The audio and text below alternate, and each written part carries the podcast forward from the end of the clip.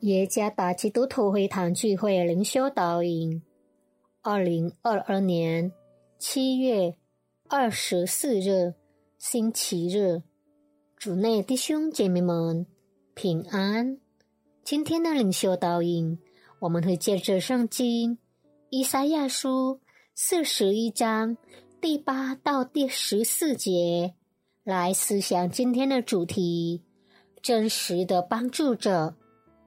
作者陈顺安传道，以赛亚书四十一章第八到十四节：为你以色列我的仆人雅各，我所拣选的，我朋友亚伯拉罕的后裔，你是我从地极所领来的，从地角。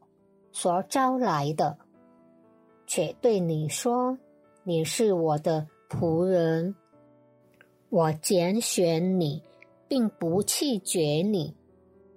你不要害怕，因为我与你同在；不要惊惶，因为我是你的神，我必兼顾你，我必帮助你，我必用我公义的右手扶持你。”凡向你发怒的，必多暴愧蒙羞；与你相争的，必如无有，并要灭亡。与你争竞的，你要找他们，也找不着；与你征战的，必如无有，成为虚无。因为我耶和华你的神。必搀扶你的右手，对你说：“不要害怕，我必帮助你。你这从雅各和你们以色列人，不要害怕。耶和华说：我必帮助你。你的救赎主就是以色列的圣者。二零一三年，在决定辞去工作后。”我和朋友一起骑摩托车去了班登省勒巴县百亚区。我们没有走主要路线，所以一路上的各种感觉，尤其是在太阳下山的时候，都被感受到了。攀升、下降。甚至是我们从未曾经过具有道路轮廓的弯道，都需要额外的小心，不然就会掉入深渊。人的生命也是如此。摩托车之旅的那一刻，让我想起了人生的旅程，也呈现出各种各样的动态。然而，最终的结果取决于某人把盼望和相信托付于谁的身上。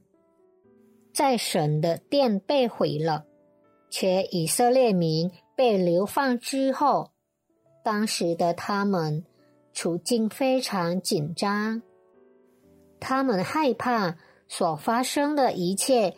乃因为神弃绝了他们，以至于他们甚绝望。然而，在混乱的局势中，先知以赛亚的出现带来了希望。他所传达神的话，提醒以色列是神所拣选的子民。且神仍然与他所拣选的子民同在。神确实保证，即使以色列民面临困难的情况，他的帮助是真实的，他的同在是完全的，他的应许会实现的。成为信徒，并不意味着。我们的人生旅程将永远平安顺利，只要还活着。人生的曲折就会一直存在。然而，令人欣慰的是，神会一直陪伴，并与每一个相信他的人同行。神在过去对以色列民彰显了帮助，也将在任何时候对所有他的选民。包括活在现今的我们，彰显他的应许，却是加添了我们的信心，来相信神在生命的旅程永远陪伴。正如太阳必定会照耀，神对他所拣选子民的肯定帮助也是如此。无论我们的情况如何，请相信。神对他选民的帮助是肯定的，愿上帝赐福大家。